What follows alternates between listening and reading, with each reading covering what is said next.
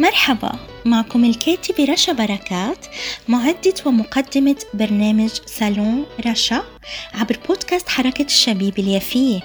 صالون رشا رح يكون صالون مفتوح لكل أنواع العناوين المحلية والعالمية واللي أكيد بتفيدنا.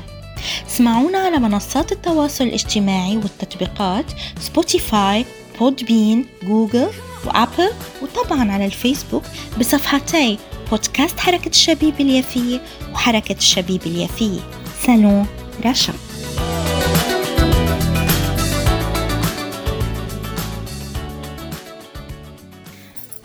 أهلا وسهلا بكم أعزائي محبي ومتابعي آه، كل برامج بودكاست حركة الشبيبة اليافية وبرنامجي سالون رشا أما اليوم فحبيت اتطرق آه، لمقالتين آه، بيعنوني كتير. كتبتهم وجمعتهم بكتاب اسمه راهبة في المنفى مقالات وحكايات رشا وهو مقالات بحثية آه، وهو كذلك الجزء الأول وإصدار دار فواصل. أما المقالتين فبيحملوا عنوانين بعنوانين أنا لست كود و DNA طبعا مقالاتي كلها يعني البحثية بشكل حكاية ولكن بمقالتي آه، بمقالتي أنا لست كود و DNA ما كانوا باتجاه البحث الآخر مثل اتجاهات المقالات الأخرى ولكن كان فيهم كمان آه، أمور عم وصلها واللي هي هلأ بتسمعوها. أنا لست كود. بدأت مقالتي بعنوان أنا لست كود والتي هي على شكل الحكاية وبنكهتي الخاصة بأغنية. يا فوية ويا فوية على الكتف محلى الكوفية. تلك الكلمات تتحدث عن مدينة يافا. كلمات أغنية هي. لمغني أردني عمر عبد اللات. فشكرا لك أخينا عمر لأنك لم تصنفنا كغيرك بكود أي رمز رقم. والرقم هو ذاك الذي لا ولن يمحى من ذاكرتنا. تاريخ نكبة أهالينا.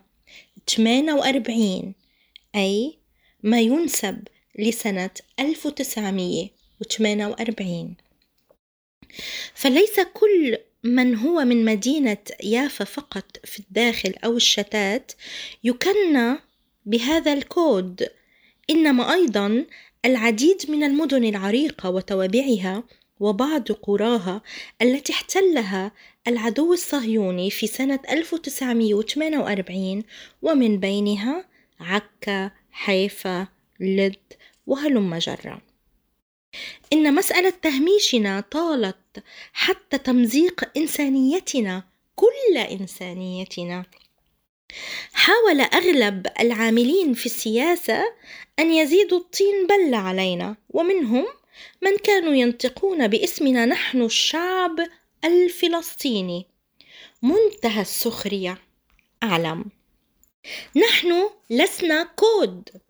ولا يمكن فصلنا عن غيرنا من أهلنا الفلسطينيين في الشتات كنا أو في الداخل. لا يمكن تمزيق مجتمعنا الفلسطيني إلى هذا الحد وليس مقبولا من أحد أن يتكلم باسمنا نحن أهل تلك المدن التي صنعت فلسطين بكل ازدهارها وريادتها وتقدمها وكذلك ليس من المقبول أن نقبل بمثل هذا الأمر على أهلنا في المدن الأخرى.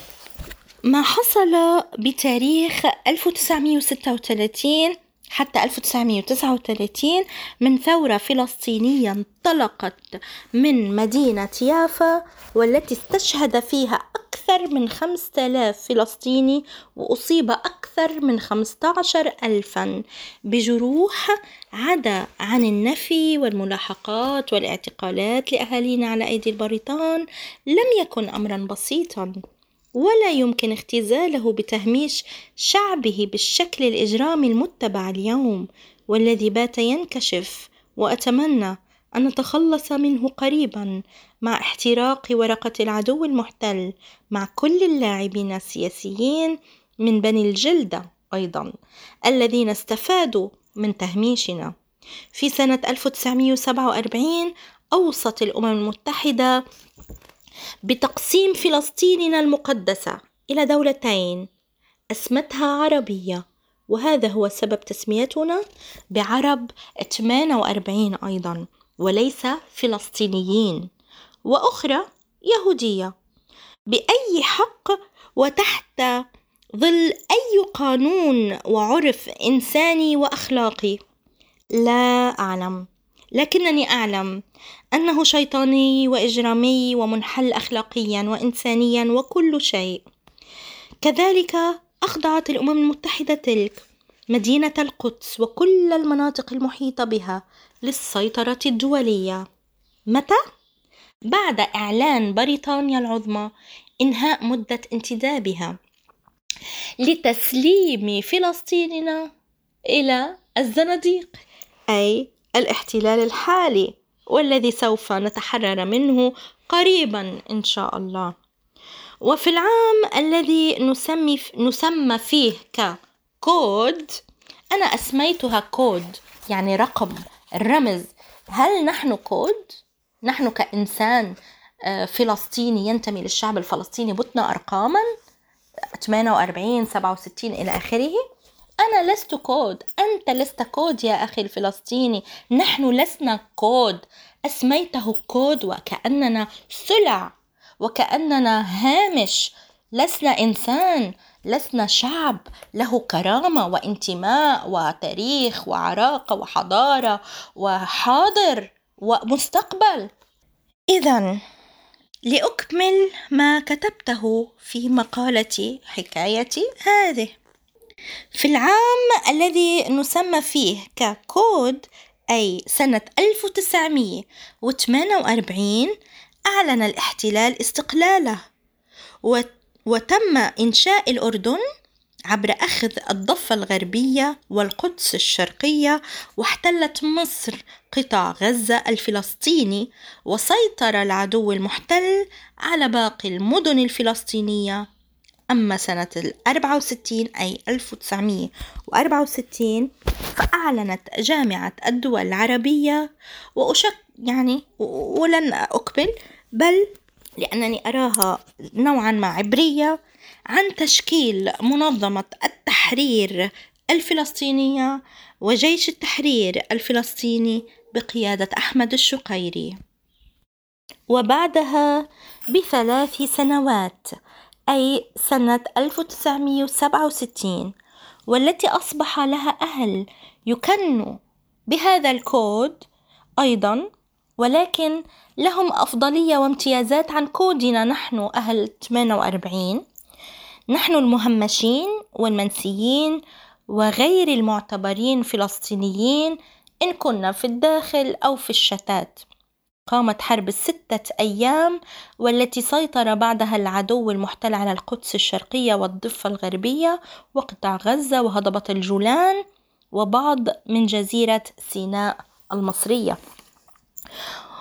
وبدأ إنشاء مستوطنات أي مغتصبات للاحتلال على الأراضي التي تمت سرقتها والسيطرة عليها.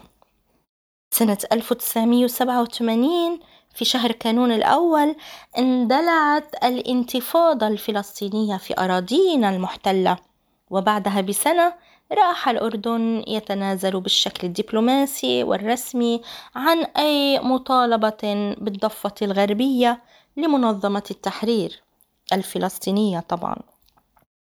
بعدها بسنوات بسيطة أي في سنة 1992 أقامت حكومة إسحاق رابين تعهدا بوقف الأنشطة الاستيطانية في أراضينا المحتلة. تبعتها بسنتين اتفاقية أوسلو المشؤومة والتي كسرت رقاب أهل شعبنا الفلسطيني المنتفض. على عكس اليوم لن ننكسر ولن نمحى ولن يطمس علينا ولن نقبل بأي اتفاقية جديدة.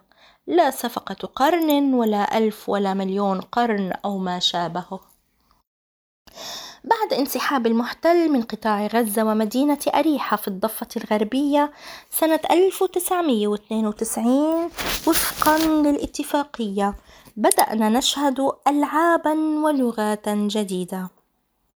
هذا يقول لك ضفة وآخر يقول لك غزة والقدس وغيره. وكذلك من يقول لك 48 وآخر يقول لك 67 قسمتنا ألعابهم جميعا ولم يخجلوا من التراب الذي دفن فيه أهاليهم بل نسوه وتذكروا فقط أن ينادون بالكود. أنا لست كود. أنا لست كود. أنا ابنة النسيج الفلسطيني الواحد. أي نحن جميعا أبناء النسيج الفلسطيني الواحد. من قال أن اسم عائلة جدي ينتهي برقم؟ من قال بأن اسم عائلة أجدادنا تنتهي برقم. أنا لم أرى على جوازه أبدا. هذا الرقم. على جواز سفر جدي. لم يكن هناك رقم. رأيت أنه فلسطيني. يا سادة. والأكثر من هذا رأيت أنه من الوجهاء والملاكين مثل غيره من أبناء نسيجنا. ولم أراكم في أي صفحات من صفحات تاريخنا الفلسطيني. لكي تتحدثوا باسمي وبأسمائنا جميعا. وتعطوني وتعطونا الرقم الكود. أين كنتم؟ حاولت أن أبحث عن عنوان عن ماض عن تاريخ لكم. لكني عدت من أبحاثي فارغة اليدين بشأنكم. فعلمت أنها لعبتكم. فمن أنتم؟ في سنة 2015 في شهر أيار ونحن عندما يعني كتبت هذه المقالة كان شهر أيار وقلت أن أن نحن في هذا الشهر المريمي أيار هو الشهر المريمي أيضا اعترف الفاتيكان في سنة 2015 في شهر أيار رسميا بدولة فلسطين وبأن سيدتنا مريم عليها السلام. لها أرض.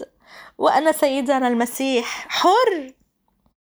لكن تلك الحرية بقيت مبتورة مع قوانين ظالمة وفصل عنصري واحتلال لباقي الأراضي ومن بينها ذاك الكود. الثمانية وأربعين. الذي لا زال مع المحتل ولا زال الجميع ينادوني باسمه. ينادون باسمه. يجعلون رقم خارج التغطية ويمنعون استعمال اسم فلسطيني عليه بل يستبدلوه بمصطلح عربي. مع الاحتفاظ بالرقم قبل التصنيف للداخل ومع الاحتفاظ بالكود للداخل والشتات معا. هكذا. يتم جعلنا رقما واسمنا هو عبارة عن كود. ولكننا الرقم الأصعب صدقوني. فنحن من سيقود كامل الدفة؟ بإرغام الجميع على الاندماج معنا كفلسطينيين فقط وأن نرفع راية العلم الفلسطيني فقط. ونقول بأعلى صوت لدينا أنا لست كود. أنا لست كود أما مقالة دي إن اي فأيضا تجدونها في الكتاب في كتاب راهبة في المنفى مقالات وحكايات رشا الجزء الأول آه، صفحة 62 لماذا أسميتها بهذا الاسم؟ دي إن اي لأن الصهاينة يخافون آه يعني أن يقوموا بتحليل الدي إن اي لكي لا. لكي لا يتم فتحهم فبأنهم لا ينتمون إلى فلسطين يعني. آه قد قالها لي بعض الأصدقاء والأهل ولكنني آه، فأعجبت بهذا الأمر وقلت يعني خلص آه، أريد أن أكتب عنه. ورحت أذهب في قراءاتي حوله وفعلا رأيت الأمر ذاته. أمر مضحك فعلا. فقلت في مقالتي بعنوان دي ان اي وب... وب... وكمان يعني آه، بدأتها بماذا؟ بأغنية. شو اسمك؟ قلي شو اسمك يا شاغل هالناس برسمك. الصبوحة حاضرة في قلوبنا بلا شك.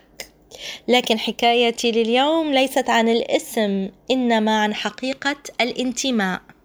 عن اسم البلد الحقيقي والجذور الحقيقية التي ينتمي إليها البعض. شو اسمك؟ بل شو بلدك؟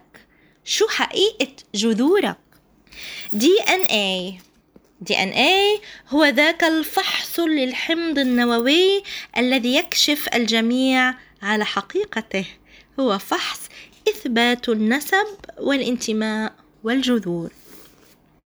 يتم فحص الدي إن اي وفقا للخطوات التالية.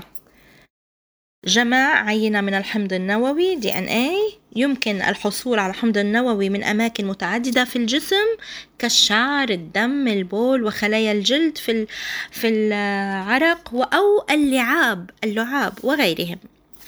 قياس عينة الحمض النووي وكذلك عبر نسخ الحمض النووي وذلك بحال لم تكن المصادر كافية. كذلك هناك العديد من التقنيات الطبية المختبرية المتخصصة. حكايتي لليوم ليست عن التقنيات الطبية وأنا لست من ذوي الاختصاص فيها إنما أنا أحمل حقيبة أخرى. حقيبة استعمال هذه العلوم في سبيل كشف الحقائق صياغة كل الإمكانيات لتوظيفها ضمن أهدافي. فمحتل فلسطين يخاف أن يقدم على فحص الجذور هذا أمر مضحك للغاية. بل هذا الأمر بحد ذاته يعتبر إدانة له. هو يعلم أنه كاذب إذا أيضحك على نفسه؟ أحاول أن أتخيل نفسي بنقاش مع محتل أرضي أسأله عن سبب هروبه من فحص إثبات النسب والجذور دي إن اي أحاول أن أتصور وأتنبأ رده علي كيف سيبرر سيبرر نفسه في هذه الحالة؟ كيف سيشرح لي أنه أتى إلى مدينتي من البعيد وسرق جدي ولاحقه حتى آخر رمق. أحاول أن أرسم في مخيلتي هذه كيفية قدرة هذا المحتل على خنق أنفاس جدي. ومن ثم الفرار والقول أن المقتول لم يكن قط لا هو ولا أرشيفه. وبالتالي لا وجود لأحفاده ماذا سيقول لي؟ هل سيطربني بأغنية لموشي ويضع لي المخدرات في كوب المياه كي أموت موتا بطيئا بما أنني أعرف حقيقته كما يفعل مع أسرانا الأطفال وكثير من شبابنا هل سيبرر خوفه من الذهاب إلى الفحص دي إن اي بأنه لن يقبلها ويتهمني بالعداء السامية احترق جدي قهرا. جدي هو جد كل شعبنا الفلسطيني. جدي هو رمز برتقالة يافا وزيتونة القدس وزعترنا ونرجسنا وصابون نابلس وكنافتها. جدي هو أرشيف عسقلان وأريحة وقيصاريا وحيفا وعكا وصفد وجنين وغزة وكل مدينة وقرية في فلسطيننا. إن الهروب من فحص الدي إن اي يعني أن السارق قد اعترف بلصوصيته فخاف من كشف أمره وفضح كل تزويراته.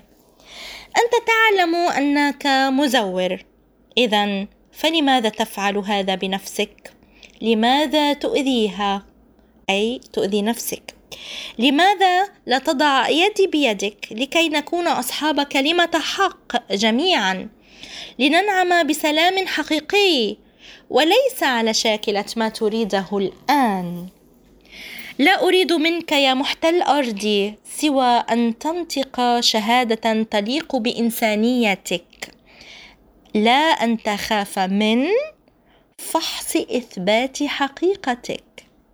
قهقرة نفسك إلى هذه الدرجة تجعلني أشفق عليك. صدقني. أنت تعلم ولا تعلم ماذا تفعل مع خلق أراد الله له أن يكون حرا ورفيع المستوى. لا تجعل هذا الإذلال لنفسك. يجرح نظرتي بوجودك. لماذا لا تتغير وتتوقف عن شهادة الزور؟